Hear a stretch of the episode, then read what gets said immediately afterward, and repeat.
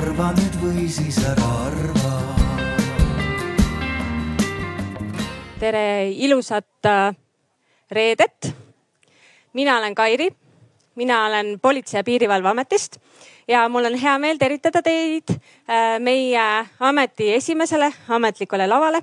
see ei tähenda, et politseiinimesed poleks varem Arvamusfestivalil käinud, kindlasti on modereerinud, kaasa rääkinud kuid sel aastal esmakordselt panime oma lava püsti ja kutsusime kõnelema oma parimad partnerid. ja kuna Politsei- ja Piirivalveameti missiooniks on koostöös loome turvalisust, siis ongi hästi õige alustada meie tänast turvatundeala meie väga heade partneritega Häirekeskusest. aitäh teile. tere päevast äh,. alustame selle maailma päästmise asjaga siis äh, vaikselt pihta. Tere tulemast Häirekeskuse arutelule, kes aitaks inimesi, keda praegu keegi ei aita, sotsiaalne kiirabi äh, mina olen Keiu Virro Häirekeskuse kommunikatsiooniosakonnast. Äh, maailma päästmas on siin äh, minuga koos sel teemal äh, Tõnu Poopu, Pärnu linna sotsiaalosakonna juhataja. Kelly Illisson, sotsiaalministeeriumi tööhõive osakonna nõunik. Mari Tikerpuu, Sotsiaalkindlustusameti ohvriabi talituse juhataja ja Heiko Leesment, üks, üks, kahe teenuse juht. tere. kindlasti vestluse lõpus on meil selline aeg, kus me väga loodame, et te olete hästi pingsalt kogu teemaga kaasa mõelnud ja siis aitate meil omakorda mõelda, millised võiksid olla need lahendused. kui me nüüd ära otsustame, mis see sotsiaalne kiirabi olla võiks, siis kuidas me ta siis ikkagi tekitame või pole teda üldse tarvis. ühesõnaga selleks aeg tuleb. Aga enne seda, kui ma annan kellelegi sõna, siis pakume siit välja mõned helinäited, sellepärast et miks me selle teemaga häirekeskuse poolt tegeleme. sellepärast, et me kuuleme. sotsiaalne abivajadus on see teema, mida me otseses mõttes iga päev sadade kõnede kaupa kuuleme. nii et ma loodan, et kui Andreas on seal niimoodi vaikselt ennast valmis seadnud, siis alustame ühest kõnest, mille me laseme kahes jupis. See originaalkõne on kuueteist minuti pikkune. nüüd laseme sellest kaks õige pisikest jupikest. aga mis teil juhtus? ei no ma otsin taga, päeval kaotasin ära venna ja, ja, ja otsin neid taga. venda otsite taga? vend on jah, aga, aga vend ja peale selle noh, üldse kõik asjad. Mis kõik asjad, et kas te soovite praegu politseid endale sinna appi? ei, politseid ei soovi. aga kiirabi endale? praegu ka ei soovi. aga päästjaid? päästjad ka praegu ei soovi. nii, aga mis see mure on siis praegu, kuidas mure, me teid aidata saame? et ma saaksin vennaga kokku või kellegi sugulastega. aga mis korteris te seal elate? no retketeel ei ela ma kuskil, see on võõras korter, aga Kittiske tee on pind ja mul oli kunagi seal oli. aga, aga kus te praegu ise elate, aga mis teil juhtus? ei no ma otsin taga, päeval kaotasin ära venna ja, ja, ja otsin neid taga. Läks juba kord kordusele. Ütlen vahele ka selle ära, et kõik need kõned on moonutatud, ehk siis te ei kuule nende inimeste reaalseid hääli ja ei, ei kuule ka isikuandmeid. ehk siis võib-olla saite aru, et siin on tegemist vanahärraga, kes ei ole päris kindel, kus ta viibib ja ei ole tegelikult päris kindel ka, mis on tema soov, ta mainib seal venna leidmist, aga igal juhul on selge, et need kolm äh, abi, keda meie saame saata häirekeskusest, politsei, pääste, kiirabi, neid ta ei vaja. ja siis vaatame, kuhu see kõne välja jõudis. kui Andreas nüüd taaskord paneb selle teise nipi kas te saate sinna, kas te saate patsientide ooteala, kas, kas seal on toolid ka olemas? aga olge kena, istuge sinna tooli peale. ja ma saadan teile kellegi sinna appi. Et aru saada, aru saada, millist abi teil vaja on. ehk siis kokkuvõttes jõudis see kõne selleni, et selgus, et ta oli haigla juures. ta oli tegelikult haigla patsient ja kuna päästekorraldaja lõpuks oskas küsimuste teel selle välja selgitada, mis oli tegelik probleem, siis saadeti talle appi tegelikult sellesama haigla inimesed, kes siis ta õigesse kohta toimetasid, aga see oli tõesti suuresti tänu päästekorraldaja empaatilisele lähenemisele. aga meil ei ole selleks niivõrd konkreetseid juhiseid. nii, aga kuulame nüüd kaks kõnet veel. nii. häirekeskus kuuleb, tere. tere, ma paluksin abi. ja kuulen teid mul ema kukkus, nähtavasti läks äh, poti peale, tahtis minna mm. -hmm. tal on potitool voodi kõrval. ja, ja põrandale kukkunud. põrandale kukkunud, on ta viga ka saanud kuidagi? ei ole, ei ole, ei ole. see pole meil esimene kord. ühesõnaga lihtsalt on probleem ja, selles, et ei saa uuesti tagasi või? jaa. aga mingit meditsiinilist abi ei vaja? ei, ei mm. -hmm. nii. kui vana ta on? kaheksakümmend seitse. Mhm. Mhm. aga muidu teadvusel ikka on ja saab aru? ja, ja, ja, kõik ja. on nagu korras sellega? kõik on korras, kõik on korras. ahah, selge ja mis teil aadress on? tavaliselt politsei käinud aidanud mm, -hmm. ainult minut poisid tõsta. aitäh teile, aitäh, kõike head. Jällegi tüüpiline kõne, kus ei ole vaja otseselt kiirabi ega politseid, on vaja kedagi, kes aitaks vanemat inimest lihtsalt tõsta, sellepärast et tema lähedased seda ei jõua, kui ta on kukkunud.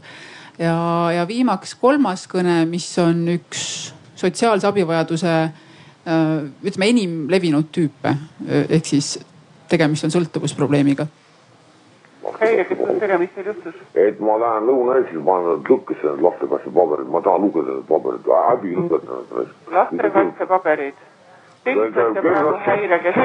mina pole kirjutanud üldse sinna need paberi peale. Teie helistate praegu häirekeskusesse? no nii jah, aga sõber tuleb mul Viljandist järgi, lähen Saare Peedrile enamhaldusse, lähen tööle. tule mul järgi siis kui sa nii kõva no aga te ei pea sellepärast helistama siia. aga mis sa ilmast sitta keerad mulle raisk?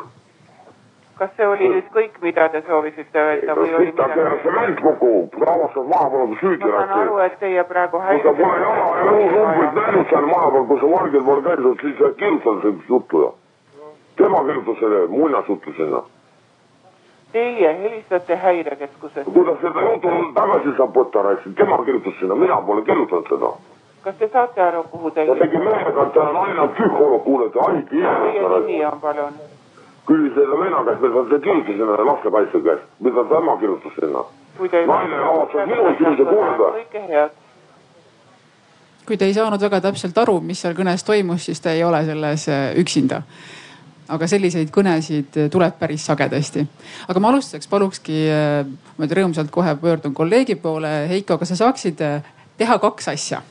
Esiteks rääkida lahti niivõrd-kuivõrd, millest me räägime, kui me räägime üldse sotsiaalsest kiirabist, sest see mõiste ei ole võib-olla kõige selgem.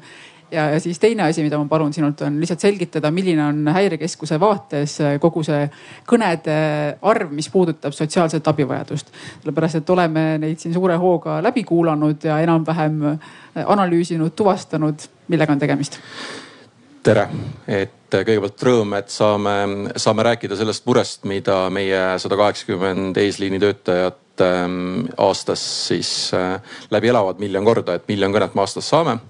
ja, ja kui me räägime sotsiaalsest kiirabist või see teema meil selle sotsiaalvaldkond üldse laiemalt on, on sel aastal meil väga tugevalt fookuses olnud, siis äh, siis see on selline tinglik mõiste, et, ähm, et ärge seda ajage segamini kiirabiga, vaid küsimus on selles, et, äh, et päästepolitsei ja kiirabi on täna mõtestatud ikkagi kakskümmend neli seitse inimeste teenistuses oleva teenusena aga kahjuks sotsiaaltöötajaid meil ikkagi ei jagu kahekümne neljaks tunniks ööpäevas igasse kohalikku omavalitsusse, kus inimesed tegelikult abi vajavad. ehk siis sotsiaalprobleemid ilmnevad sarnaselt äh, meditsiini, äh, politseiliste küsimuste ja, ja, ja tulekahjudele ikkagi ilmnevad äh, siis, kui nad ilmnevad ja, ja see juhtub öösel päeval ja millal iganes nüüd, kui me räägime, kui suur probleem see on, et, et võikski ju rääkida, et me võib-olla räägime siin nagu üksikutest juhtumitest, üksikutest inimestest, siis äh, kunagi hakkasime uurima seda, et äh, kui palju Eesti inimesed üldse häirekeskusesse helistavad. et kui palju inimesed Eestis otsivad abi äh, riigilt, siis äh, me jõudsime selleni, et äh, umbes ük, üks kolmandik ehk siis umbes kolmsada tuhat inimest on need, kes, kes siis, kes siis meie poole pöörduvad ja, ja kaks kolmandikku Eesti elanikkonnast ikkagi purjetab sellest elust läbi niimoodi aasta jooksul, et ta riigilt abi ei otsi. siis me mõtlesime, et me vaatame, et aga kui palju kõige rohkem inimesed abi otsivad ja siis me leidsime sellised mehed, kes helistavad tuhandeid kordi aastas. seda, see on see viimane härra, keda te kuulsite, onju ja kui võiks mõelda, et, et, et äkki ta ei vajagi abi, siis see on, see on kohati noh, ütleme, et, et sellist suhtumist me lihtsalt ei saa lubada, sest see on küüniline, onju. et see inimene vajab abi, aga me ei saa teda aidata ja, ja päästekorraldajal on kahjuks kolm relva tänases olukorras. selleks on pääste, politsei või kiirabi, mida te kuulsite esimeses kõnes, kus ongi, et millist abi te vajate. ehk siis, et abivajaja tuleb täna üks, üks, kaks teenuses ikkagi suruda kolme tunnelisse. aga me näeme, et see kolm tuhat kõnet, mida me ööpäevas saame, see elu mitmekesisus on suurem ja tegelikult me näeme, et võib-olla võiks olla seal ka neljas tunnel, milleks on see, et on olemas sotsiaalne abi, mis on inimesele kättesaadav ikkagi kakskümmend neli seitse Eestis. Nii, me räägime nüüd sotsiaalsest abivajadusest, aga häirekeskuse pool on noh, häirekeskus on see mees, kes hoiab seda elevandi saba, aga tahaks ikkagi seda looma kuidagi tervikuna kokku panna. et paluksin teil rääkida, kuidas äh, Tõnu, Kelly, Mari, kuidas teie töö seisukohalt sotsiaalne abivajadus välja näeb, mis on äh, need juhtumid, mis on see nurk, mille alt äh, selle probleemiga kokku puutute? ma ei tea, võib-olla Marisa niimoodi rõõmsalt seal saab uf, alustada. ja tere ka minu poolt no need kõned ei ole üldse võõrad ka ohvriabile. Äh, meil äh, statistikas, kui me räägime ka täna, meil on samuti ööpäevaringselt oleme inimeste jaoks olemas, siis äh, statistiliselt ka meil teisel kohal on sotsiaalprobleemid, millega inimesed pöörduvad nii et äh, oma peas ma ka mõtlesin, et äh, kas ka need inimesed tegelikult on kuidagi leidnud tee meie juurde et eriti kui on äh, see viimane meesterahvas, kes on korduvalt ja korduvalt häirekeskusse pöördunud. ehk et, äh, et see sotsiaalse kiirabi küsimus ja, ja kuidas siis neid inimesi aidata, on, on otsapidi ka väga tugevalt täna ohvriabi laual. pöördumiste mõttes aga, aga laias plaanis, kuidas selle teemaga me haakume, on, on ennekõike sellega, et tegelikult äh, Äh, kui me räägime, et need äh, sotsiaalprobleemid ei, ei teki ootamatult, nad äh, kasvavad ja ühel hetkel nad on niivõrd mitmekülgsed, et siis tegelikult ohvriabi, kui me räägime sellest, et me noh, aitame siis inimesi, kes on mis iganes olukorra kannatanud, ohvriks sattunud, on seal hooletusse jäetust, hoolimatust, et siis see on selline suurem tagajärg juba ehk et äh, see ots, mis siis nii-öelda, mis ukse meie avame, on see, et asjad on juba väga halvasti. Ja, ja noh, on need siis tõesti, ma ei tea, sõltuvusprobleemid või äh, noh, kui ma täna vaatan neid kõnesid, mis meile tulevad, et äh, on seal tõesti nii rahapuudust, töökaotust, alkoholiprobleemid, kontaktikaotused lähedastega, eakad, kes üksi elavad ja see ampluaa on lai-lai et, äh, et eks me ka ise küsime, et noh, mis me siis nagu teeme ja, ja eks me seda siin hakkamegi arutama, et mis me noh oleme teinud, aga, aga noh, reaalsus on see, et täna ei ole see ots noh ainult ka ohvriabi käes. et noh, meie saame seda üksi lahendada täpselt niisamuti nagu see ei ole häirekeskuse käes. et pole ju küsimus selles, et noh, mis siis on, pange endal neljastorm püsti ja, ja võtame sada sotsiaaltöötajat, kes hakkavad ööpäringselt nõustama et, äh, et see ilmselgelt on noh, süsteemne äh, viga, ma ütleksin. Et, äh, et täna on olukorras, kus need inimesed noh pöörduvad ja, ja ma ei räägi sellest, et noh, keegi kuskil kukub maha, vaid et, et on noh püsiv abivajadus, noh täpselt seesama on ju, et kui inimene kukub maha, et kas tegelikult see võrgustik seal ümber on, kes edaspidi noh toetab, et me saaks ise hakkama, mitte pole selles, et kas siis häirekeskus läheb välja või ei lähe välja nii et äh, läksin küll natuke laiaks äh, juba selle käsitlusega, aga, aga ohvriabis on jah, täna nii need teemad ka meil äh, täitsa teise teemana äh, selle perevägivalla kõrval laual. kui ka sellega, et kuidas siis meie oleme täna proovinud lahendada, mida ma hea meelega pärast ka kogemusena jagan. aitäh. nii Kelly, sa esindad siin paratamatult tervet sotsiaalministeeriumit, ehkki sinu enda töövaldkond on üsna spetsiifiline. ma ei tea, kas sa, sa saad kuidagi olla kahes rollis korraga ja rääkida, mis sotsiaalministeeriumis toimub, samal ajal, mis siis tööhõive valdkonna poolt toimub? ja tere kõigile ka minu poolt, rõõm on siin olla ja sellel olulisel teemal kaasa rääkida. et minu töölaual jah, peamiselt on tegelikult noorte tööhõive teemad, et, et töötan tööhõive osakonnas. aga teiselt poolt ähm, ma ütleks, et, et sellised kõned iga päev meile ei jõua, küll aga paariga olen, olen ka ise kokku puutunud, et kus ka nõunikele helistatakse näiteks äh, sarnaste probleemidega. Eh, teiselt poolt just noorte vaates, ehm, kuna seal statistikas on ka palju laste ja noortega seotud kõnesid, siis lõppkokkuvõttes see jõuab ikkagi välja suure tõenäosusega ka sinna, et, et see noor või laps, kui see elu on juba mõjutatud, ta on mingis hädaolukorras siis, siis see lõppkokkuvõttes mõjutab kindlasti ka seda töötust, et, et lugedes siin mõndasid lõputöid, mis on kirjutatud sellel teemal, siis väga tihti on see seotud ikkagi ka töötuse ja vaesusega. ja võib-olla ka veel töövaldkonnas tuua näiteid, siis, siis tööhõive vaates näiteks Töötukassa tihtipeale puutub kokku nende inimeste, kes tegelikult ei ole võimelised tööle minema, sest esmalt on vaja lahendada mingid sotsiaalprobleemid ja kui võtta see küsimus, et kes eh, kuidas aidata neid inimesi, keda keegi ei aita, siis suure tõenäosusega nad kuskil süsteemis tegelikult täna juba on, aga me ei tea seda.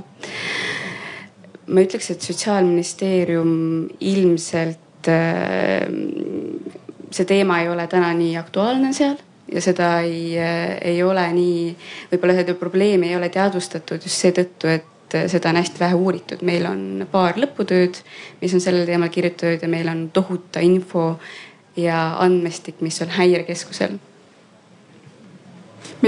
kas sa põgusalt ütled siia otsa, mis nendes lõputöödes, mis seal uuritud on ja mis seal leitud on?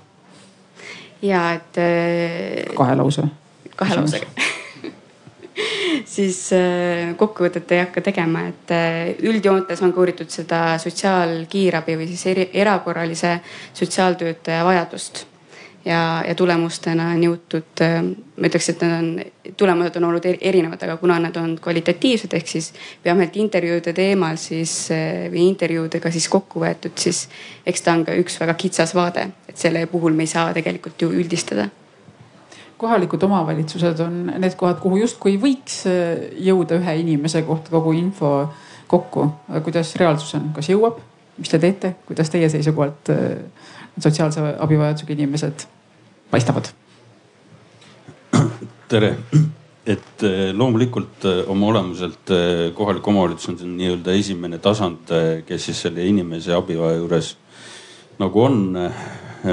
ja seetõttu väga paljud juhtumid eh, jõuavad ikkagi kohaliku omavalitsuse sotsiaaltöötajani. et eh, enda kogemus, eh, kuna ma olen püüdnud kogu oma karjääri, mis ma kohalikus omavalitsuses olen olnud, olen püüdnud ennast nii-öelda operatiivüksustele kakskümmend neli seitse avatud hoida ehk et kättesaadav. olen ise ka väga erinevaid kõnesid saanud kohaliku omavalitsuse vaates no ma nüüd ei saa kõigi omavalitsuste kohta öelda, sest eh, ka pärast haldusreformi on meil ikkagi väga erinevaid omavalitsusi veel, aga ma arvan, et eh, enamustes omavalitsustes siiski taolised probleemid, kui see info meile jõuab, eh, siis nendega ka tegeletakse. küsimus on nüüd jah selles, et, et kuidas informatsioon meile jõuab, et me siiski saame aidata ikkagi konkreetseid inimesi et me nii-öelda anonüümseid juhtumeid eh, noh, ei ole võimalik eh, lahendada. et eh, ehk see info edastamine, omavaheline suhtlemine erinevate operatiivüksustega kohalikul tasandil on äärmiselt oluline. ma, ma arvan, et enamustes omavalitsustes ka igapäevane tegevus. et, et noh, need kõned kõlasid kõik tuttavalt nii, nii et ma arvan, et see koostöö sellistel puhkudel on äärmiselt oluline ja äärmiselt oluline on, et see informatsioon ikkagi kohalikule tasandile jõuaks. võib-olla nii-öelda kohalike tasandite vaates on see küsimus sellises operatiivses sekkumises kakskümmend neli seitse et see on tihtipeale, nüüd oleneb jällegi omavalitsus, kuidas sellised asjad lahendatud on, kas see on kuidagi läbi institutsioonide, asutuste lahendatud või on see kuidagi läbi personaalsete kontaktide lahendatud, aga, aga igal juhul igapäevaselt ma arvan, kohalikud omavalitsused selliste juhtumitega tegelevad, kui need, kui see info nagu jõuab siis omavalitsusse. ma lihtsalt tahaks rääkida, haaraks kõigepealt Mari sõnasabast kinni ja ütleks, et tal on tuttavad inimesed, siis ähm, meie sarihelistajatega tegelemise projekt on mõne aasta tagant, kus me hakkasime nüüd nende inimestega tegelema, kes väga palju helistavad kümneid, kes moodustavad kümneid tuhandeid kõnesid, eks ole, ja tuhat korda aastas ja nii edasi. siis ähm, need inimesed on kõik politseile, päästele, kiirabile ka tuttavad. ehk siis, et äh, see nende abivajadus tegelikult laieneb kogu spektrile, et nad on igal pool, nad on, nad on riigi kliendid igal pool ja, ja kui nüüd minna natuke täpsemaks, et, et see probleemi ulatus nagu oleks kuidagi nagu raamistatum, sest mulle tundub, et ma jäin enne natuke abstraktseks, siis nagu ma ütlesin, et suve jooksul ma olen vastanud kolme tuhandele kõnele ööpäevas ja, ja sellest kolmest tuhandest umbel poolel, pooltel juhtudel saame me appi saata pääste, politsei või kiirabi, ehk siis juhtum kvalifitseerub nendele reageerimiseks. poolte kõnede puhul on küsimus selles, et kas me ei saa midagi teha või siis ehk siis, et noh, inimene piltlikult öeldes helistabki valele numbrile või siis on selline, selline kõne nagu härrasmehega lõpus oli, on ju, kus ei saagi nagu otseselt lahendust pakkuda. või siis on sellised äh, taskukõned või noh, ühesõnaga sellised lood ka on ju. aga me nüüd võtsime ette viienda juuni ja, ja mis on selline sotsiaaltoetuste maksmise aeg, nädala lõpp selline prime time häirekeskuse töö maailmas, siis selles ööpäevas me nägime väga selgelt ära, et me räägime ikkagi sellest, et veerandid, veerand kõnedest, see probleemistik on sotsiaalvaldkonna teema ehk siis, et ka need politseijuhtumid, päästejuhtumid, kiirabijuhtumid, et see kattuvus on seal olemas, et veerand helistajatest tegelikult on sotsiaalprobleemidega.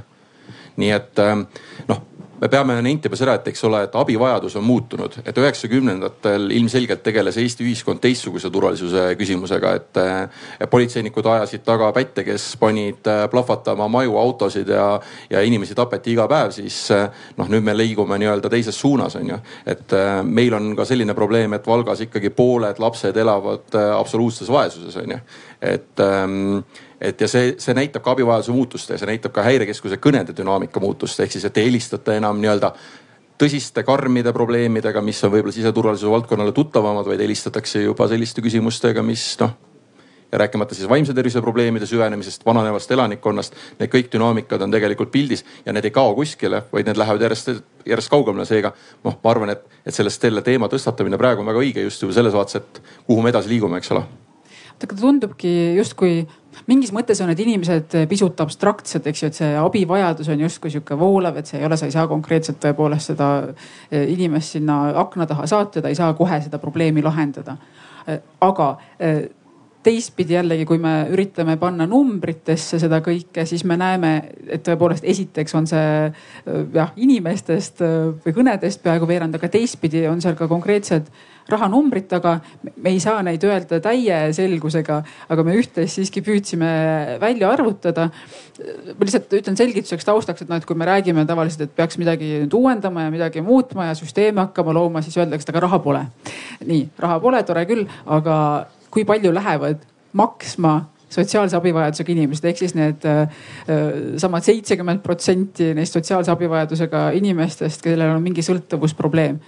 küsimus ja. ei ole ainult neis inimestes, küsimus on ka nende lähedastes just, ja nii edasi. just, et ühte, et kui me seda ööpäeva vaatasime, hakkasime mõtestama seda sotsiaalprobleemi, noh, et siis alati üks võimalus on nagu näidata asju nii-öelda mahu pealt, et äh, vaadata, palju nagu noh, mahuliselt seda probleemi nagu esineb. et noh aga teine võimalus on, noh, mis alati riigiametnikke rohkem kõnetab, on siis raha küsimus. Ja, ja ja, ja meie analüüs näitas siis seda, et sotsiaalvaldkonna probleemide lahendamisega ühes ööpäevas seoti nelisada nelikümmend neli politseipatrulli on ju, tinglikult nimetades patrulli politseiüksust on ju, need võisid olla ka kiirreageerijad. mõnele sündmusele reageeris on ju mitu patrulli, need võisid olla ka, eks ole, need merepäästeüksuse inimesed, kes võib-olla reageerisid mõnele korrakaitselisele sündmusele. siis sada, sada kuuskümmend üks kiirabibrigaadi sõitis välja riigieelarvest ja, ja kuus päästemeeskonda.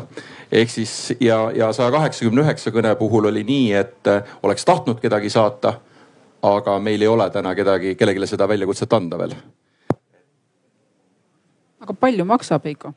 ja see oli viiskümmend tuhat et meie, meie, meie väga jäi, nagu jäme kalkulatsioon ütleb, et viiskümmend tuhat umbes kulub sellele reageerimisele.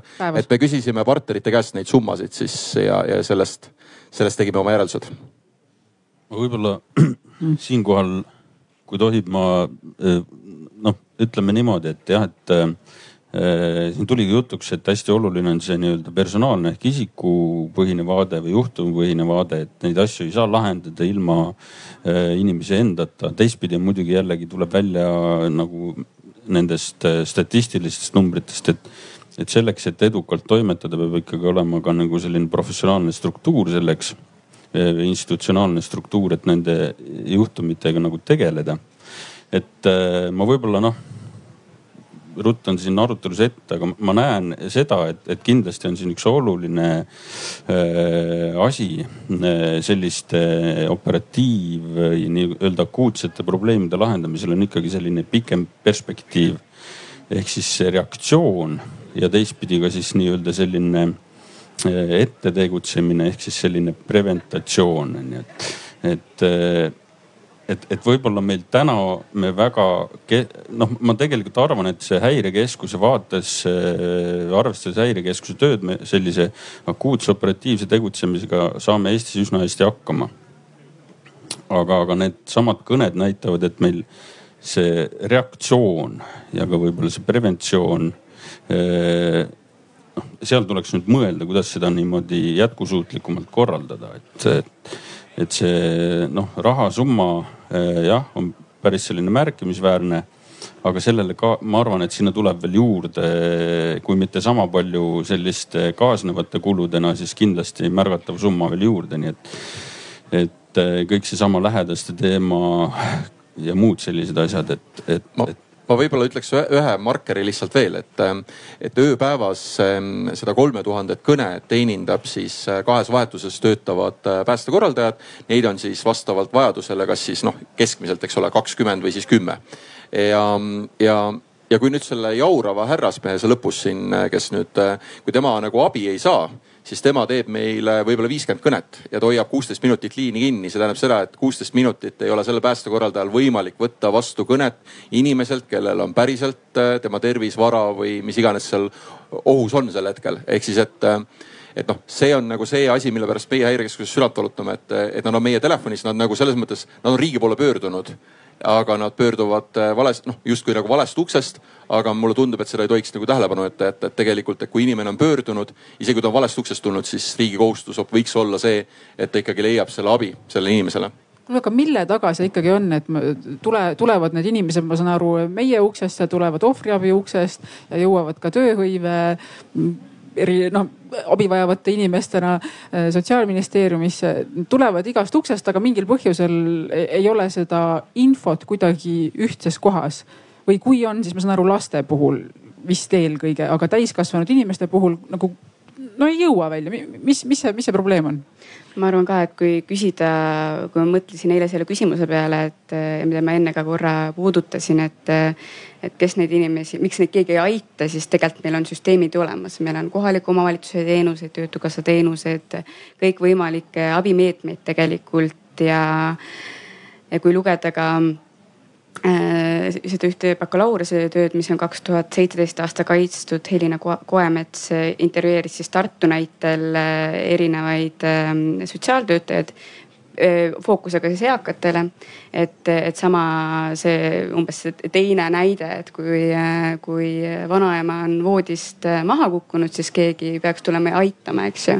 sellel hetkel siis tulemine selles nii-öelda intervjuu, inter, intervjuude tulemine jõuti selleni, et, et meil tegelikult sellist nagu kiiret abi sellistel juhtudel vaja ei ole, sest meil kõik süsteemid on olemas minu arust küsimus ongi selles, et kui palju tegelikult teatakse, et ükski tavaline inimene, kelle töö ei ole seadustega tegeleda, ei lähe sotsiaalhoolekande seadust lugema ja ei vaata neid teenuseid üle, et see on see teenus, mida KOV peab mulle pakkuma. ehk siis äh, ma ütleks ja ka praktilisest kogemusest, kui ma olen äh, ise ka sotsiaaltöötajana töötanud, siis ma olen näinud, et, et inimesed tulevad ikkagi mingis selles teadmises, et keegi rääkis mulle, et siit saab toetust, siit saad seda abi. Ähm, mul naabrinaine ütles, et ma saan, ma ei tea, koduhooldusteenust, kas see on võimalik. et, et see info ei jõua kuidagi äh, noh, et, et me ei, me ei ole seda nagu inimesteni viinud, vaid see käib niimoodi suust suhu. ja, ja see on puhtalt õnn, kas siis äh, mu naabrinaine teab sellest või mitte. et, et ma arvan, et see on nagu üks hästi oluline koht, et, et miks me täna, kui me räägime ka sellest nagu ennetusest, et miks need inimesed ei ole jõudnud sinna õigete teenuste ja toetusteni. Mari, sa ütlesid, et äh, ohvriabisse jõuavad inimesed ikkagi enamasti no kuskil sellises järgus, kus äh, nad on juba päris ammu ilmselt reelt maha kukkunud, et see on ikkagi selline päris karm koht juba, aga ma, ma, ma ei tea, on, on sul vastuseid? mis hetkel nad sealt reelt on siis maha kukkunud, kes on jätnud neid tähelepanuta? Kas on neid inimesi, kes oleks pidanud tähele panema? lühike vestlus on jah, keegi oleks pidanud märkama, et see on väga selge vastus. et ähm, jah, et millal keegi oleks pidanud märkama, noh, see ilmselt sõltub kõik, mis see teema on ja, ja vastutusalad, aga, aga kui ma mõtlen praegu sellele küsimuse püstitusele, et noh, nii-öelda inimesed, keda keegi ei aita. et äh, mulle täna tundub, et äh, et niimoodi süsteemide vaates tundub, et on palju äh, inimesi, abistajaid, kes justkui aitavad aga see küsimus, ma hästi olen Kelliga nõus, et nii-öelda see info, et üks asi jah, nendest abivajajatest jõuaks äh, nendele abi, äh, abistavatele äh, inimesteni siis või, või organisatsioonide või süsteemideni. et teine asi on see, et kui palju see info aga tegelikult liigub abistajate vahel. et me kõik noh, võime mõelda heas usus, et me rapsime ja rassime ja teeme noh hullult ajame asja on ju selle, ma ei tea, Jaanus seitsekümmend viis on ju, kes ma ei tea, käib ka KOV-is kuus korda päevas. Et äh, aga see, et üksiti see Jaanus ka, ma ei tea, helistab häirekeskusesse, on perearsti juures, käib näiteks iga nädal, sest et ma ei tea, küll selg valutab, küll pea valutab ja, ja mis kõik võib olla, et, et kui palju ka seda infovahetust on, mida me ka oma töös näeme ja, ja tõsi, peame ka meie tuhka pähe raputama, et, et ei ole ka täna meie võtnud sellist niivõrd süsteemset äh, lähenemist igas juhtumis. et nüüd üha rohkem me ka vaatame, et kas tegelikult noh, nendesamade pöördumiste pinnalt, et, et ei kuku need maha, et me lihtsalt ei tõde, et noh noh helistas, eks ole, näed see, ma ei tea, Jana jälle purjus siin on ju ja, ja muudkui helistab, et siin teame, et nii ta teeb korra kuus et, et me ka ei pigistaks ise seda silma kinni, vaid et see info läheks edasi. aga, aga jah, küsimus on kindlasti ka sellest, et noh, kuhu maale me ka noh, kui ma täna mõtlen noh riigina, et ühelt poolt on jah, nii nagu enne Tõnu ka mainis, eks ole, et noh, et ilma inimeseta me midagi ei tee, eks ole, et me justkui ei, ei saa hüpata sisse, kui inimene valmis pole, aga teine asi, noh, kui me täna teame, et on noh pikalt kestnud mingid kohad, et siis noh, seesama riigina, et me teame, et nad kõik on abivajajad ja kes siis vastutab. et ühelt poolt saaks öelda, et noh, kas see on ka ohvriabi klient, noh, kui me niimoodi võtame, on ju, noh häirekeskus ka, et noh, kas mina pean teenindama teda, kui ta helistab, on ju, et, et lõpetame kõne ära. et, et noh, üks asi on kindlasti nii-öelda see suhtumise väljajuurimine, et, et me noh, peame aru saama, et see on noh meie kõigi klient ja, ja kõigi jaoks äh, abivajaja. Äh, ja ikka ei, ma, ma lihtsalt, äh, mind nii kõnetab see, mida sa ütled, sest et see on, see on nagu täpselt see, mille, mille ma, mille ma ise olen enda jaoks kuidagi, kuidagi niimoodi sõnastanud, et, et minu arust on riigis vaja läbi rääkida kolm küsimust. esimene küsimus on see, et kas sotsiaalse probleemiga kimpus olemine on hädaolukord ma ei ole kindel, et see on täna kõik riigiametid ja ametnikud igal pool saavad sellest ühtemoodi aru. siis kas sõltlaste ja vaimse tervise probleemidega inimeste abistamine on võrdselt oluline teiste ühiskonna osapoolte abistamisega? ja kolmandaks, et kas sõltlased on ühiskonnale väärtuslikud? Et äh, kas see joodik, kes magab põõsas, on meile oluline, kas me peame temaga tegelema, kas me peame tast teavitama, mis me peame temaga tegema? et, et, et, et ühesõnaga, see on, see on küsimus, millega me peaksime kuidagi, kuidagi tegelema, et kas, kas need inimesed on meile olulised ja kui on, siis noh, me näemegi seda, et, et võtame näite lähisuhtevägivallast, eks ole, siin on ju, me oleme politseialal, lähisuhtevägivald, nende prioriteetne teema juba mõnda aega. et me oleks võinud ka arvata, et lähisuhtevägivalla kõnede arv on väga suur. Aga võet-, riik võttis hoopis seisukoha, et see on liiga väike. ja me teame, et me nägime kohe tõusuruumi. sotsiaalsete probleemidega me täna rääkisime ka, et issand, kui palju. aga kui me pöörame selle teistpidi et äkki on lihtsalt see, et kõikidest äh, alkohoolikutest, põõsastes ja narkomaanidest ei teavitatagi, sest seda ei defineerita kui probleemi või inimest, noh ongi, et, et see, kes on joodik, see on ise oma eluga metsa läinud, noh see, kes on töötu, see on ta enda süü, õppigu endale normaalne amet, äh, mis läksid seda humanitaarvaldkonda õppima, mis ei too sulle, ei too sulle tulevikku on ju, või noh, et hakkasid jooma, kukkusid koolist välja on ju, et äh, noh, ta ongi sihuke. see on ma arvan, üsna provokatiivne teema, aga, aga sama, samas ka reaalne teema. ma olen rääkinud äh, inimestega, kes töötavad kodutute varjupaigas ja tahtsin aru saada et kas neist inimestest, kes kodutute varjupaika jõuavad, et, et kas seal on mingisugust, kui, kui suur on see lootus, et need inimesed jõuavad sealt tagasi siis kuidagi ühiskonda väljaspool seda.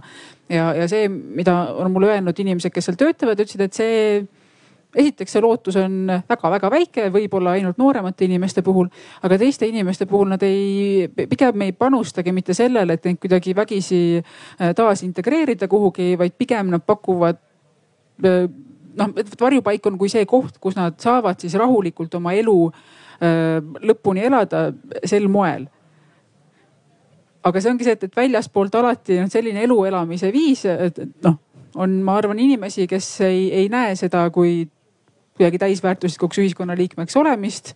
aga ma ei tea, kus seda, kus siis peaks sellise piiri tõmbama, et, et mis, milline inimene siis on täisväärtuslik? Tõnu peaks selle Soome näite tooma, millest sa rääkisid, kui me põgusal eelkohtumisel jah, et äh, ma arvan, et lihtsalt äh, ütleks ka selle, et, et see, mis nagu meile meeldib, mis ütleme nii, et mis mulle meeldib või mulle ei meeldi, ei ole antud juhul nagu üldse oluline.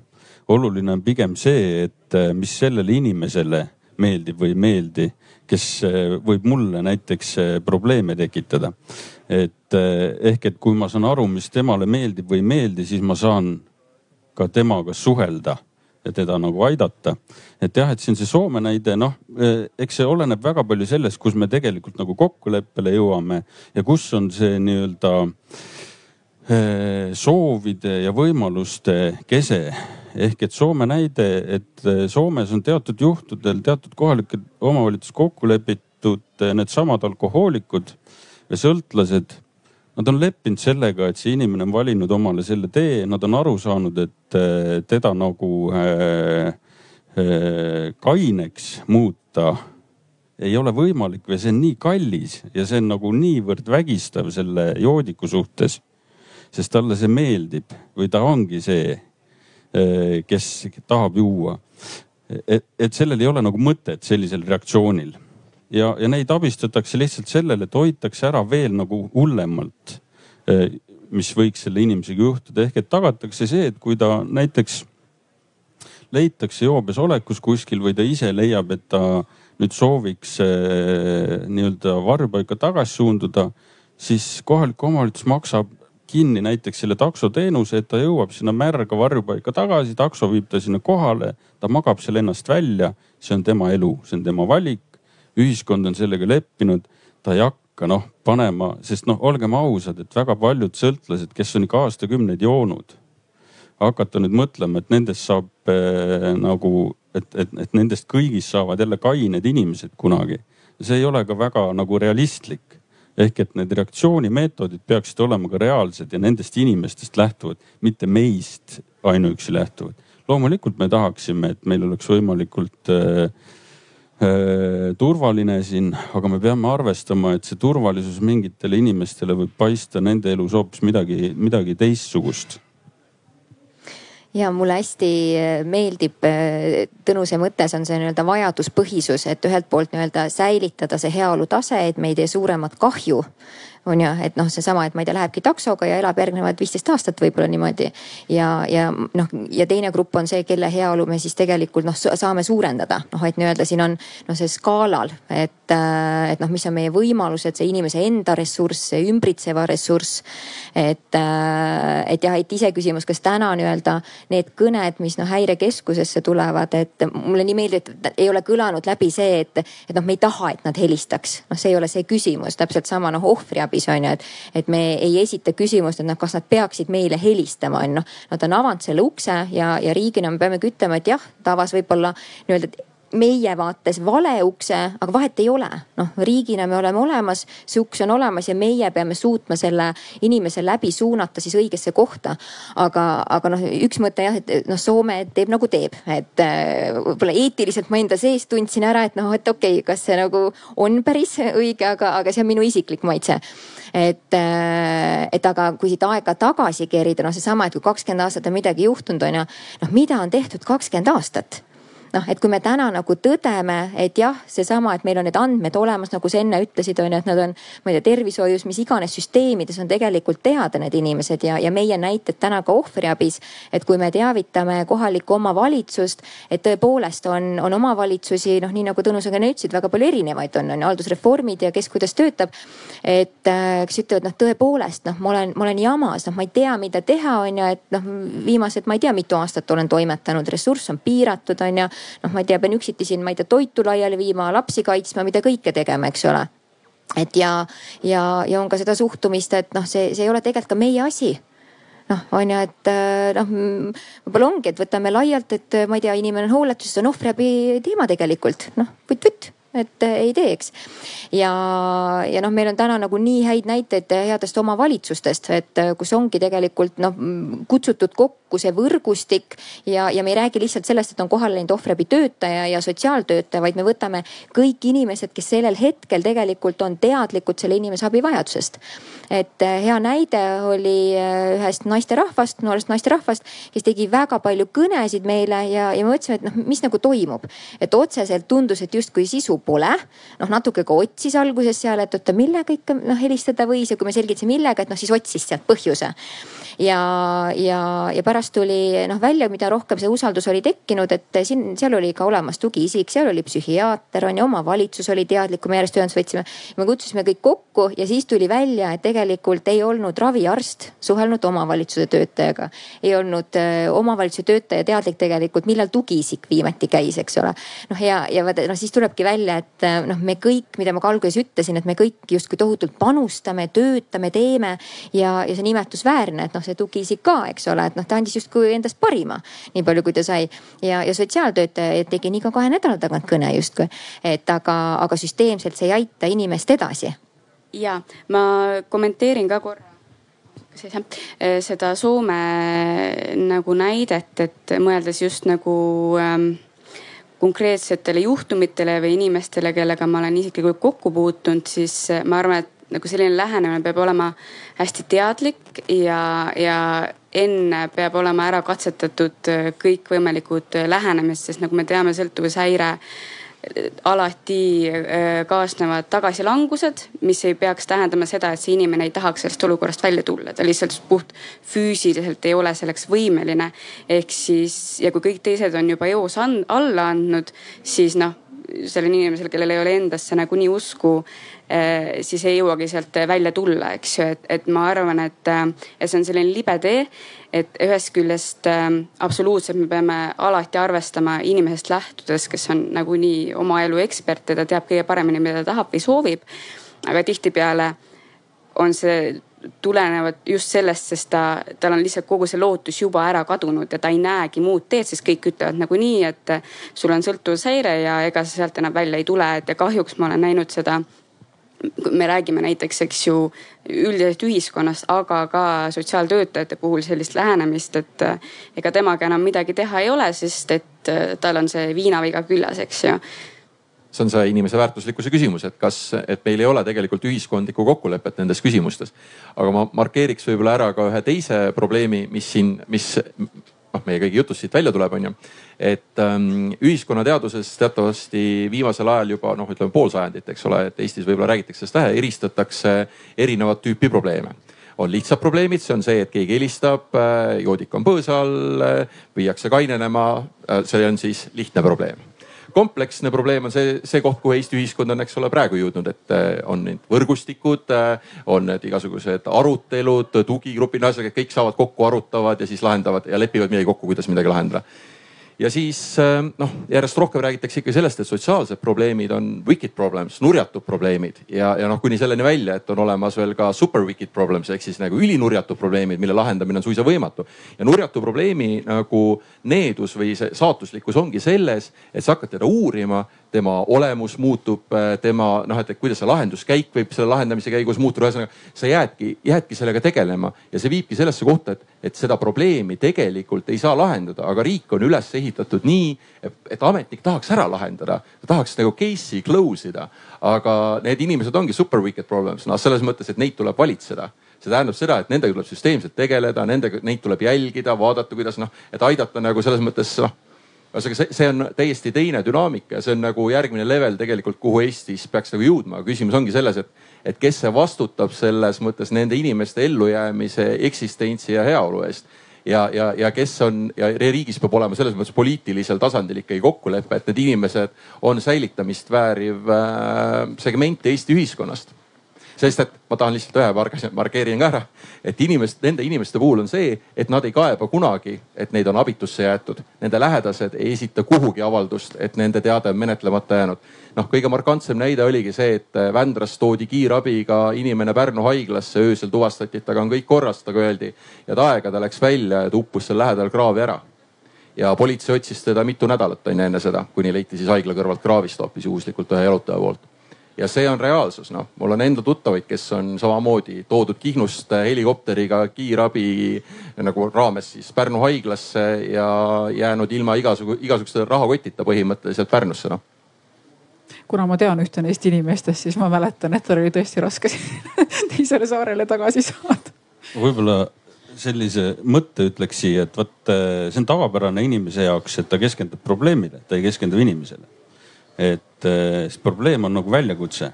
see paneb inimesele adrenaliini tööle ja ta hakkab sellega tegelema, sest ta elab nii-öelda sisse sellesse. ta tunneb ennast nagu positiivselt, et ta teeb midagi, ta lahendab midagi. ehk et ta keskendub probleemile, ta ei, tegelikult ei keskendu nagu inimesele. et äh, mul on elus selline, karjääris olnud selline juhtum, kus ma alati nagu toon välja, et mis oli minu jaoks nagu kõige parem lahendus. tuli üks hästi keeruline klient et tal on raske perekond, ta ise on vaimse tervise probleemidega. ma veetsin temaga kabinetis tund aega ja ma selle tunni aja jooksul ütlesin mm, -hmm, ahaa, mis sa arvad mm? -hmm, ahaa, mis sa arvad? ja pärast seda ta ütles, et ma olen maailma, tema arvates ma olen maailma kõige parem sotsiaaltöötaja, sest ma lahendasin kõik ta probleemid ära. aga ma ei teinud mitte midagi tegelikult, ma lihtsalt keskendusin temale, mitte probleemile. ehk et noh, seesama, ma saan täiesti aru kui sul on piiratud aeg, kui sul on väga palju inimesi teenindada, sa keskendudki nagu nii-öelda probleemile, sest sul ei ole aega millegi muuga tegeleda. aga see, kui see probleem on lahendatud, astub sinu juurest ära, mis siis nagu edasi saama hakkab?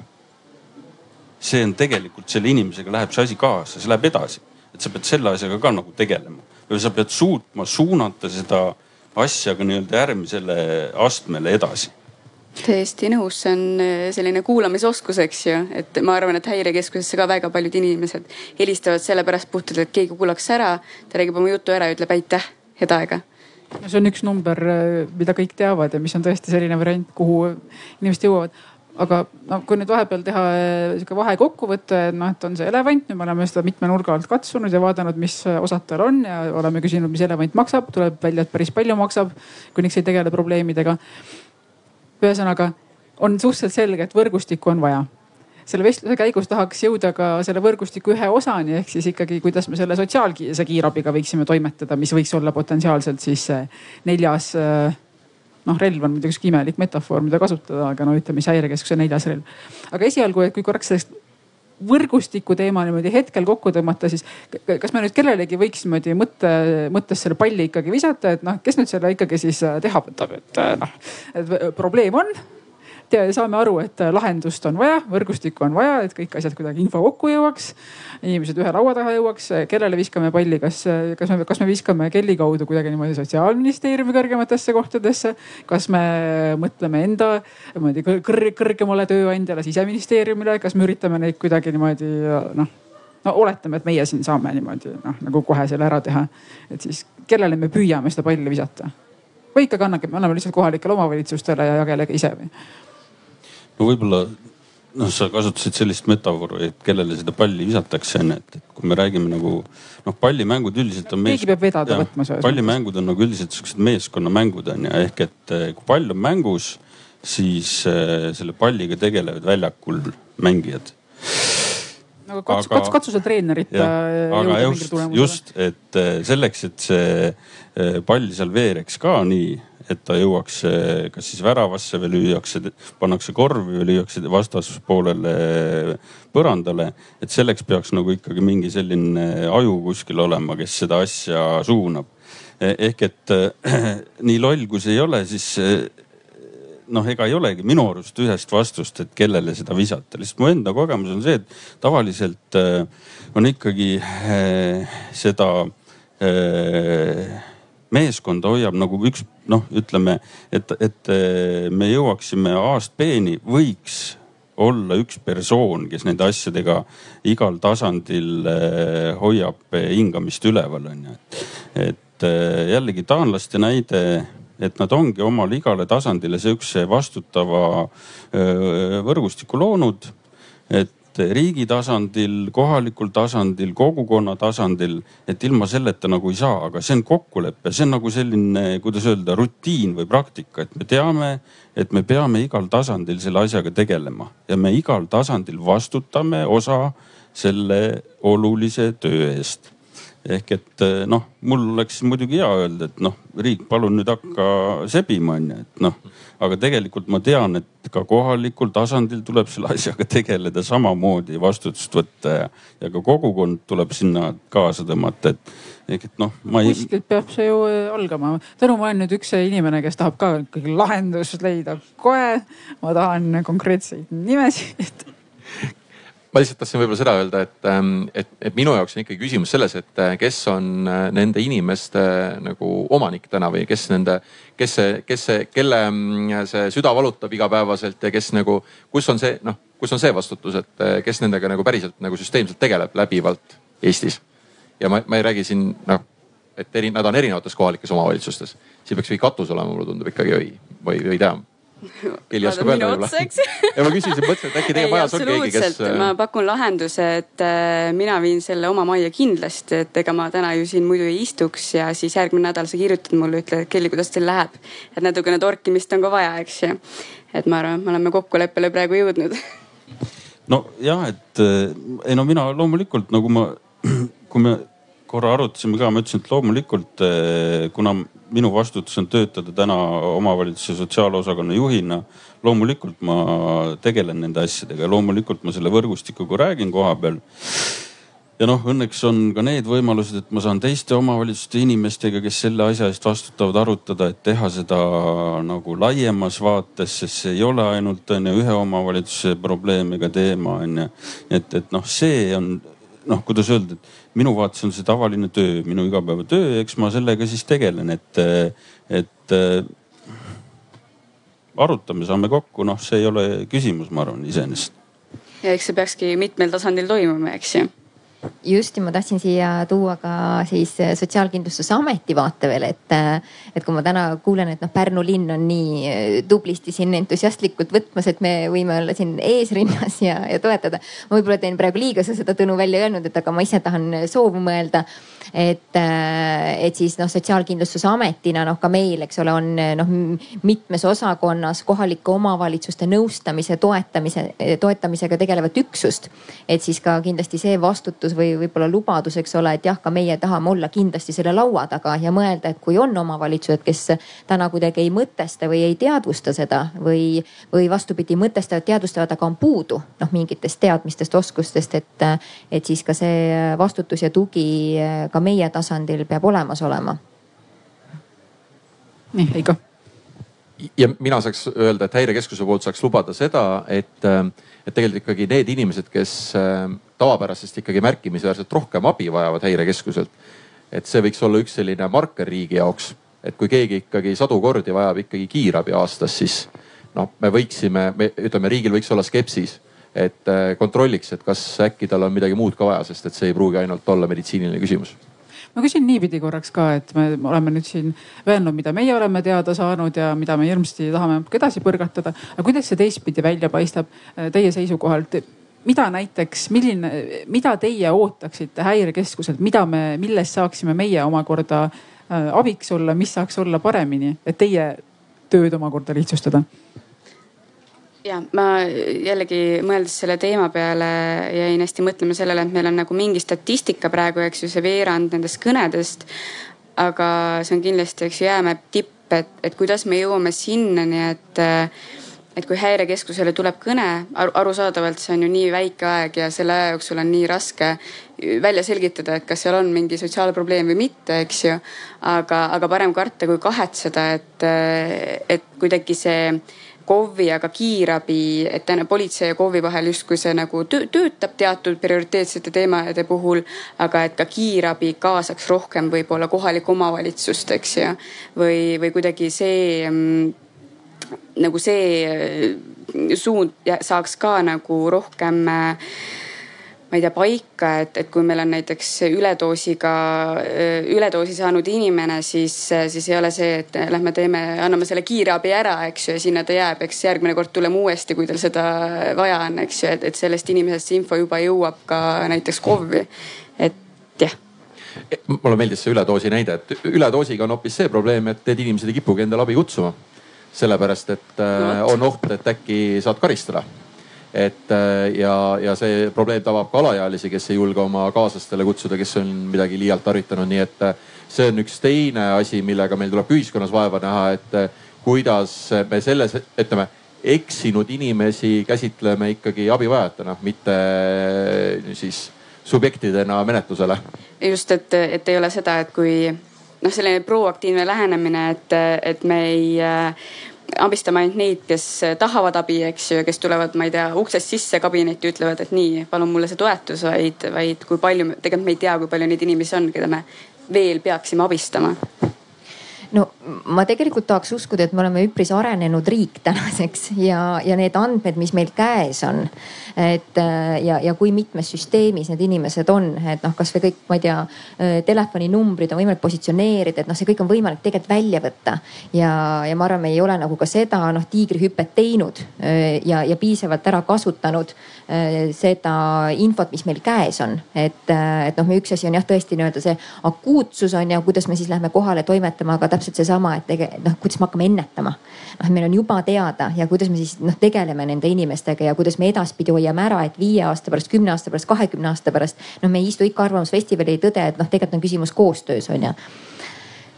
nii sellega on üks teedus, ma lihtsalt teile võib-olla publikule ka on oluline teadmine, et, ähm, et äh, asukoha küsimus ja, ja telefoninumber, et üks, üks, kaks teenus on selline teenus, kuhu saab helistada ka ilma SIM-kaardita see tähendab seda, et äh, kui inimene ise oma nime meile ei ütle mm, ja mõnikord ei ole ka tema asukohta meie tarkvaras näha mingil põhjusel, siis äh, meist mitte oleneval põhjusel, et äh, siis juhtub nii, et me tegelikult ei tea, kellega me räägime. ehk seda teavad meile hääleks torus on ju. mis on sotsiaalvaldkonna erisus, on see, et teil on nimed, aadressid, need inimesed on nagu on kuidagi nii-öelda no, teada, siis meie probleem on selles, et äh, me ju oleme teise funktsiooniga ja me tegelikult ei, ei pruugigi saada teada, et kes see inimene oli, kes meile selle kõne tegi. No võib-olla sellisest profileerimisest, äh, see on nagu ka kahe otsaga asi, et sellel mündil on kaks külge onju, et täna me tegelikult äh, oleme jõudnud sellisesse maailma, kus on jube lihtne inimesi profileerida et äh, Facebook näitab seda väga ilusasti ja muud asjad ka, et on väga lihtne äh, lasta robotil äh, ära profileerida inimesi ja temaga kaasnevaid probleeme. teine küsimus on see, et kas me nagu seda tahame, onju. et üks asi on profileerimine, teine asi on selle profiilist saadud informatsiooni edastamine.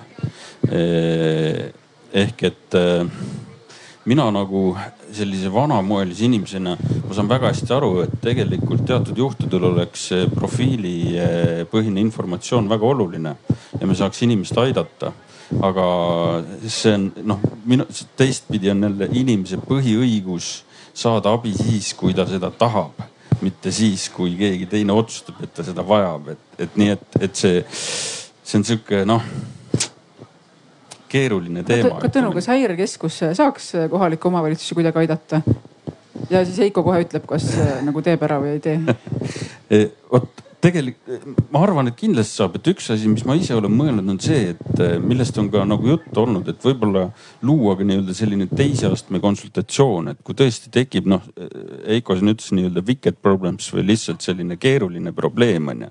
et siis loomulikult eh, see inimene vajab tegelikult sellel hetkel teatud tähelepanu, mis võib olla ajaliselt eh, pikem kui tavapärane operatiivkõne on ju ehk et, et tegelikult noh, üks lahendus võiks ka olla see, et oleks võimalik suunata kohe kiirelt kuskile edasi. nüüd on küsimus selles, kuhu see edasi suunatakse ehm võtaks nüüd äh, näiteks USA praktika, et ähm, USA-s möödunud aastal Denveri osariigis juba katsetati seda, et äh, sotsiaaltöötajad äh, töötavad koostöös kõrvuti päästekorraldajatega. ja ongi, et kui on selline sõltuvushaige klient, siis ta suunatakse seal kohe juba sotsiaaltöötajatele, kes siis juba hakkavad suunama teda siis nendesse programmidesse või üritavad vähemalt saavutada kokkulepet ja noh, lisaks sellele jõuavad ta ära kuulata. ühesõnaga kogu see lugu, et nad töötavadki käsikäes, nad saavad aru ja seal on hästi palju vabatahtlikkust. ehk siis, et need sotsiaal sotsiaaltöötajad käivad seal näiteks praktika raames, no ühesõnaga, et, et see ongi nagu nii-öelda kogukonna panus, et nad saavad aru, et sinna helistavad need inimesed, kes vajavad abi, nad tegelevad sellega.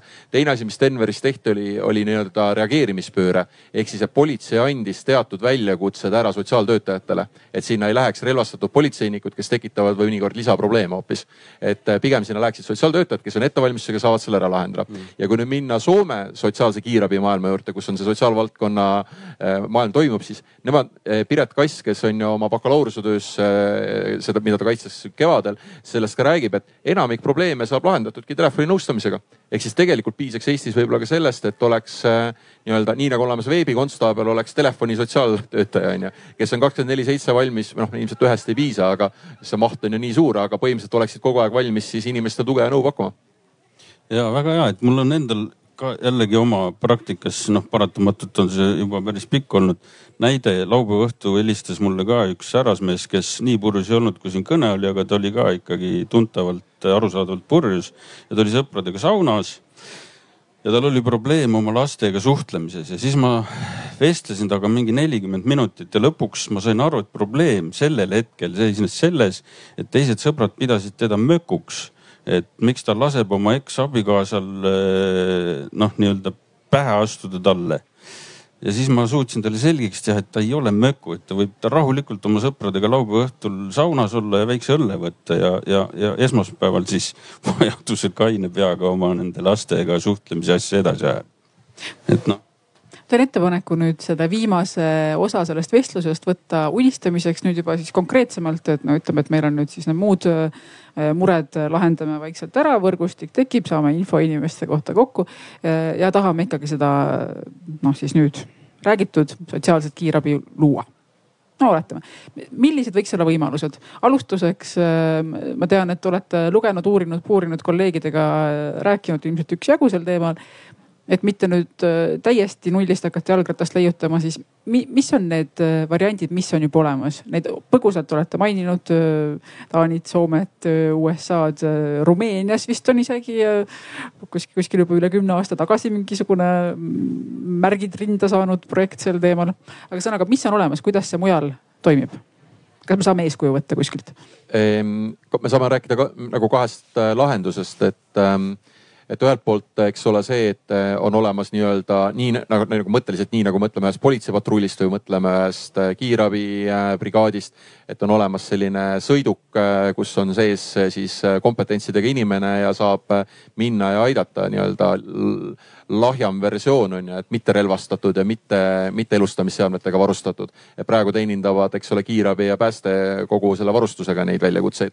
ja, ja näiteks noh, Soome näide ütleb ka seda, eks ole, et, et see on delegeeritud osaliselt kohalike omavalitsuste poolt erasektorile või vabatahtlikele ehk siis, et näiteks maha kukkunud inimesi aitab teatud piirkondades turvaettevõte ja KOV-il ongi see kokkulepe, et, et siis ei pea politsei, noh, mõnes kohas on ka politsei nõus seda veel tegema ja käib siis politsei tegemas.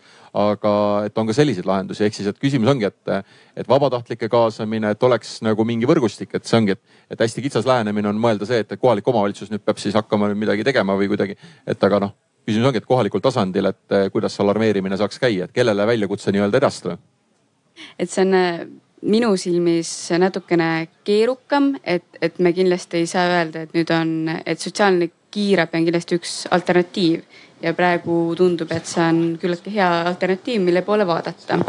aga kui vaadata neid äh, erinevaid profiile, et millega äh, millega need, äh, mis need kõned on, et, et on seal sõltuvusprobleemid, on seal tegelikult abi vajavate laste juhtumid, mida ei ole mitte vähe selle ööpäeva kohta, oli viiskümmend viis pluss umbes kuuskümmend kuus oli lähisuhtevägivalla juhtumid, kus on ka väga paljude puhul ju lapsed ähm, nii-öelda seotud. et siis äh, meil hetk, äh, esmalt on vaja nagu mõelda sellele, et mis nagu, mis see kompetents on, sest minu hinnangul äh, sellise kiire reageerimine, reageerimise puhul ja kui me vaatame täna KOV-i sotsiaaltööd, siis see on pigem selline pikaajaline bürokraatlik ja, ja võib-olla need, ma ütleks, et need kompetentsid mingis osas on erinevad. see väljaõpe peaks olema teistmoodi ja see valmisolek, et, et selles osas meil on vaja sellist nagu väga mingis mõttes lähtuvalt nendest nagu võib-olla, võib-olla persoonadest või, või profiilidest, kes seal nagu nii-öelda pöörduvad häirekeskuse poole, siis kõigil ei saa nagu ühe lauaga lüüa selles suhtes, et, et meil on mingi üks väga konkreetne lahendus. vaid, vaid sinna peaks esmalt nagu hästi sisse minema ja miks ma ütlen, et, et, et täna on ju seda nii-öelda probleemi nii vähe uuritud, et kindlasti peaks kõigepealt üldse nagu lahti võtma, et mis seal nagu need nii-öelda kõige olulisemad kohad on ma olen hästi nõus, Kelly, sinuga, mulle tundub ka, et see on noh mitmeetapiline on see, et, äh, et tõesti, mis on need akuutteemad, noh on ju, kas me paneme siis tõesti, ma ei tea, sotsiaalsed kiirabid ringi sõitma. avame me kakskümmend neli seitse sotsiaalnõustamise äh, liini, äh, kuhu saab pöörduda või on see osa häirekeskusest on ju, suunatakse need kõned edasi, kus suudetakse see hindamine korrektselt ära teha, on ju. sealt see abivajadus ja, ja riskid kõik kaardistada on ju, omakorda, ma ei tea, KOV-ile edasi anda. Et aga, aga, aga paratamatult ma lihtsalt toon ka nagu selle pilti, et, et üks asi on nii-öelda täna nende kõnedega tegelemine ja teine asi on nende kõnede ärahoidmine et äh, või, või kas just niivõrd kõnede ärahoidmine, aga et nii-öelda selle abivajaduse süvenemise ärahoidmine, et ta lõpuks jõuab sinna. et noh, võib-olla tõesti on see järjekordne liin või on see tegelikult, ma ei tea, omavalitsuse tasandil ka võib-olla mingi, ma ei tea, töö ümberkorraldamine ja näha, et tegelikult noh, ongi, see on ministeeriumi tasemel prioriteet on ju, me teame et, et seitsekümmend protsenti nendest kõnedest on sõltlased on ju, et me võtame mingi väga kindla konkreetse noh suuna noh on ju selle teema jaoks. see on, see on jumala hea asi, mida sa ütlesid, me tegime sellise, meil oli möödunud aastal katsetasime, ühesõnaga, et muidu on olnud nii, eks ole, et see üks, üks, kaks teenus on ju mõtestatud nii, et, et noh, inimesel on juhtum midagi, siis ta helistab, et, et siis me mõtlesime, et kuidas noh, et kuidas saaks seda nagu ennetada, on ju. ja siis me võtsime sarihelistajate puhul, pöörasime selle mõtteviisi tagurpidi, et me ei oota mitte, et nad meile hakkaksid sada korda ööpäevas helistama, vaid me helistame ise ja me saavutasime kokkuleppe kõige ühe ekstreemsema sarihelistajaga ja ütlesime, et äh, me ise helistame sulle järgmisel nädalal siis uuesti. ja, ja see reaalselt tõi kaasa selle, et see mees oli kaine. ta ootas seda, et, äh, et meie kolleeg Mari talle helistaks, temaga räägiks.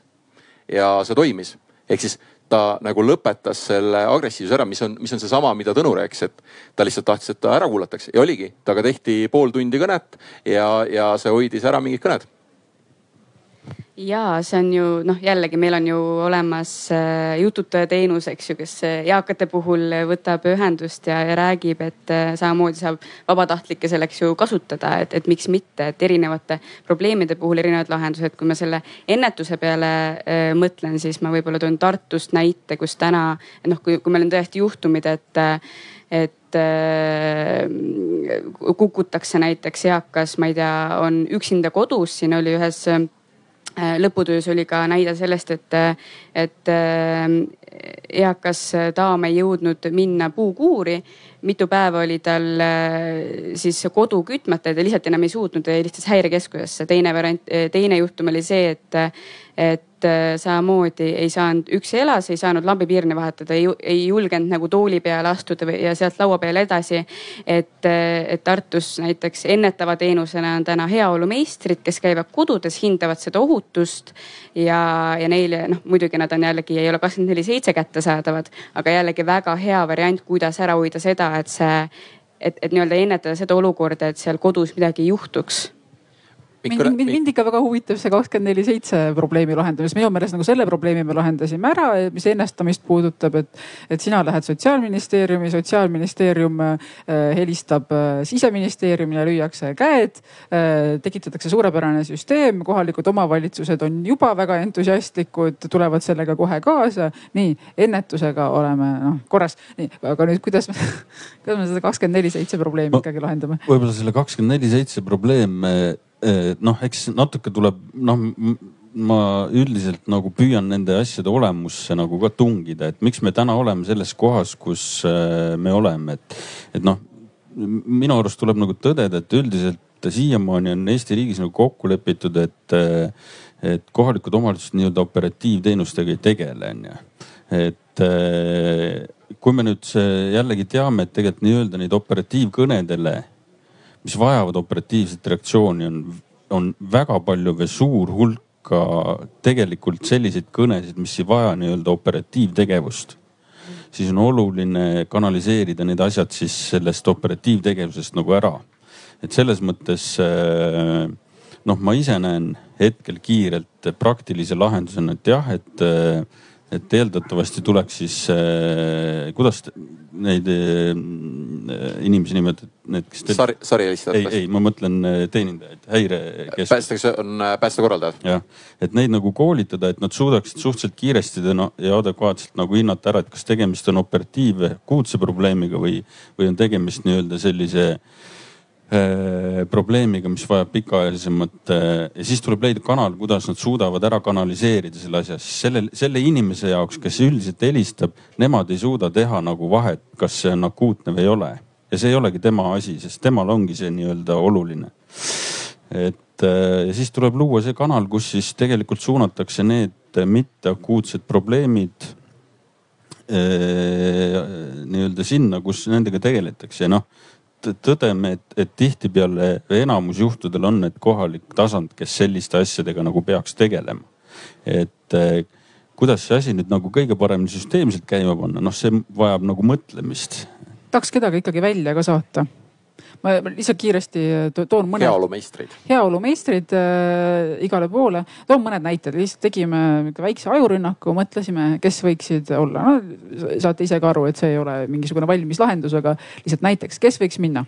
Bolt Bolti äh, taksojuhid teevad kokkuleppe riigiga, saavad minna äh, tõstma vanureid, tooma poest kotte, viima haiglast välja visatud äh, vanahärra tagasi Vändrasse Pärnust. et ta jõuaks õigesse kohta ja vajadusel ka noh, Kihnu saarele muidugi keerulisem. nii äh, vabatahtlikke praegu erinevates kohtades on võtame nad häirekeskusesse kuidagi niimoodi, et me saame neile saata sõnumi otsa ja siis äh, lähevad, aitavad, enne teeme koolituse loomulikult. psühholoogia abc suudavad välja selgitada, millised on sellised esmased abivajadused, millega edasi tegeleda, annavad oma esimese sellise suunava, kerge ja isegi nagu kassikäpa jalahoobi, et aru saada, kuhu edasi minna. nii äh,, asendusteenistus pole sõjaväes käinud, tahad asendusteenistust teha, eh, vot saad sotsiaalse kiirabi minna tegema hoopis, saad läbida väga palju huvitavaid eh, koolitusi taaskord psühholoogia valdkonnas, sotsiaal, sotsiaaltöös, üks abc valdkonnas. Eh, tõenäoliselt võib-olla, kui tahame, et asendusteenistus võib-olla suudab ka keerulisemate juhtumite puhul, puhul kohale minna, siis võib-olla ka sihuke väike enesekaitsekoolitus asja juurde, jah ja siis või siis jah, teeme pilootprojekti kuskil, leiame ühe auto meil on kümme vabatahtlikku, töötame välja esimesed ohuhinnangud. Äh, kui te teate, siis üks, üks kahele helistades lähtutakse ohuhinnangutest ehk siis, et välja selgitada, milline millist abi inimene vajab, selleks on ohuhinnangud ja mille järgi siis kiiresti välja selgitatakse. no vot, me teeme sama siis selle sotsiaalse kiirabi jaoks ja noh, korras vaatame, kaardistame pilootprojekti põhjal, kas äh, niimoodi õnnestub probleemi lahendada korras, kuidas tundub? Väga hea, sest et soomlased on viis aastat seda teinud ja nad näevad, et see on kasvutrendis. väga tore, nii äh, lõpuks aeg publiku poole vaadata, kas noh, ma ei teagi, kas nüüd läheneda konkreetse küsimusega, et äkki tuleb veel mõni mõte lisaks, et kelle me ikkagi välja saadame ja kuidas selle sotsiaalse kiirabina või, või on teil ka üldisemaid kommentaare, siis ma hea meelega kohe mikrofoniga jooksen, sest ma olen päris pikalt istunud juba lihtsalt niisama ühe koha peal. tere, mina olen Marelle ja olen Saue valla sotsiaalosakonna juhataja. Et äh, ma jäin küll natuke hiljaks, kõike ma pole kuulda, aga oma kogemuse pealt, kuna ma just äsja lahendasin ühte häirekeskuse pöördumist. häirekeskus tegi meile kirja, kirjutas sari helistajast ja palus abi aga algas see asi sellega, et me pidime hakkama lisainfot küsima, sellepärast et inimest äh, on meil küll valla täpsusega sisse kirjutatud, ammu pole näinud. kust me teda üldse otsime, et hakata teda aitama? Ja saime teada, et ta kutsub endale politseid alati Balti jaama. ei aidanud väga no ikkagi mingi teid ajades me saime tema telefoninumbri, tänaseks oleme juba tabanud teda ka kainena.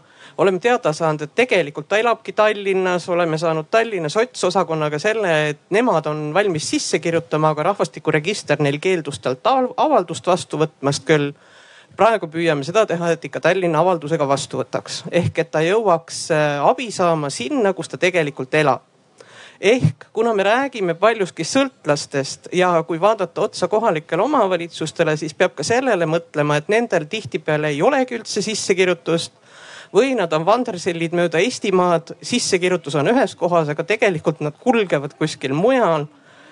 et äh, seetõttu jah, see kohvipõhine lahendus tooks juurde väga palju lisaküsimusi, kui seda hakkaks otsima ja teine mõte, mille ma nagu siit kõrvalt kuulates mõtlesin, oli see, et võib-olla ei pea ka Eestis päris jalgratast leiutama, et midagi natuke on see laste infoabitelefon, mis tegelikult ka siis äh, aitab sel juhul, kui kohv ei reageeri kiiresti, lahendada asja nii, et saab oodata nii-öelda kohvi. et võib-olla on sellest mõttest midagi kaasa võtta. aitäh. on teil kommentaare? ja ma selle KOV-i, ähm, selles suhtes, et kohe KOV-i suunamisega olen hästi nõus, sest me ikkagi siis hakkab tekkima see, et kes, kus see inimene elab, eks ju. sest kuna me räägime ikkagi kiirest abi andmisest või nii-öelda äh, kiirest reageerimisest, siis, siis ma selles suhtes olen hästi-hästi nõus, et ilmselt see ei tooks no, rohkem probleeme. meie jaoks on see lihtsalt olnud üks võimalus või marker, kuidas üldse leida kontakti, et, et mõne sarihelistajaga jällegi on olnud kohalik omavalitsus üliõnnelik, et eestkoste küsimuses on kohtus palju abi olnud sellest, et ta sai teada, et ka, et, et ka meil on ja kuidas meie, meie, meie kaudu avaldub tema probleem on ju.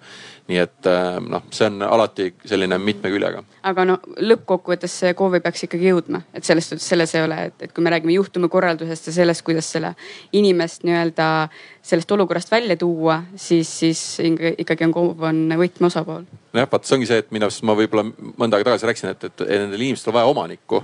et tõesti, et jääb nagu KOV-ides jääb ka mitme vahele, ta jääb praegu ka erinevate abistavate organisatsioonide, ministeeriumite, asutuste ja iga selle virvarri vahele. see bürokraatia on nii spetsiifiline, et ta nagu noh, aga ta on inimene, ta on kuskil vahel, tal ei ole omanikku noh. metafoorid on ka muidugi jah spetsiifiliselt noh. nii, kas on äh, veel mõtteid publikust? Võib ka küsida. vaikus üle maa.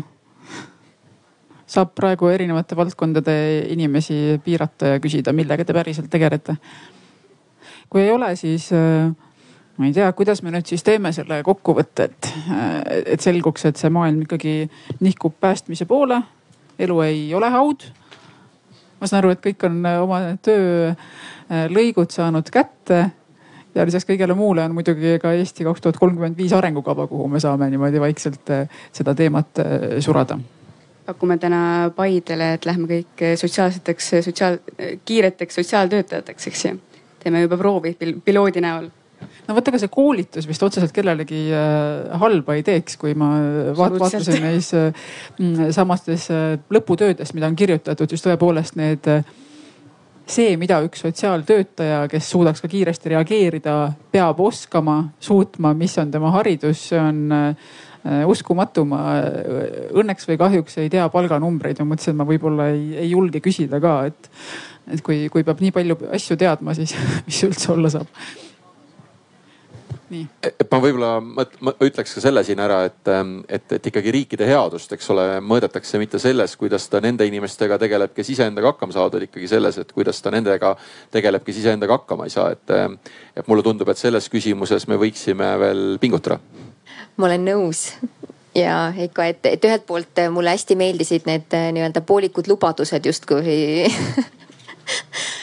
poolik võib-olla kõlab halvasti, et aga, aga, aga minus elab ka teatav skeptik, et, et ühelt poolt olles ka ise KOV-i tasandil töötanud ja, ja nüüd Sotsiaalkindlustusametis, et, et ma mõnikord tunnen ka ise ära, kuidas noh, mul tekib väike tõrge juba sellest, et noh, istume ja räägime, et, et ma hästi olen nõus proua Marelle, nagu te ütlesite, et te tõite selle lasteabitelefoni välja, et noh, täna on tõepoolest, et me ei pea noh istuma, mõtlema, et okei okay,, et mida meil jalgrattaks nagu vaja on.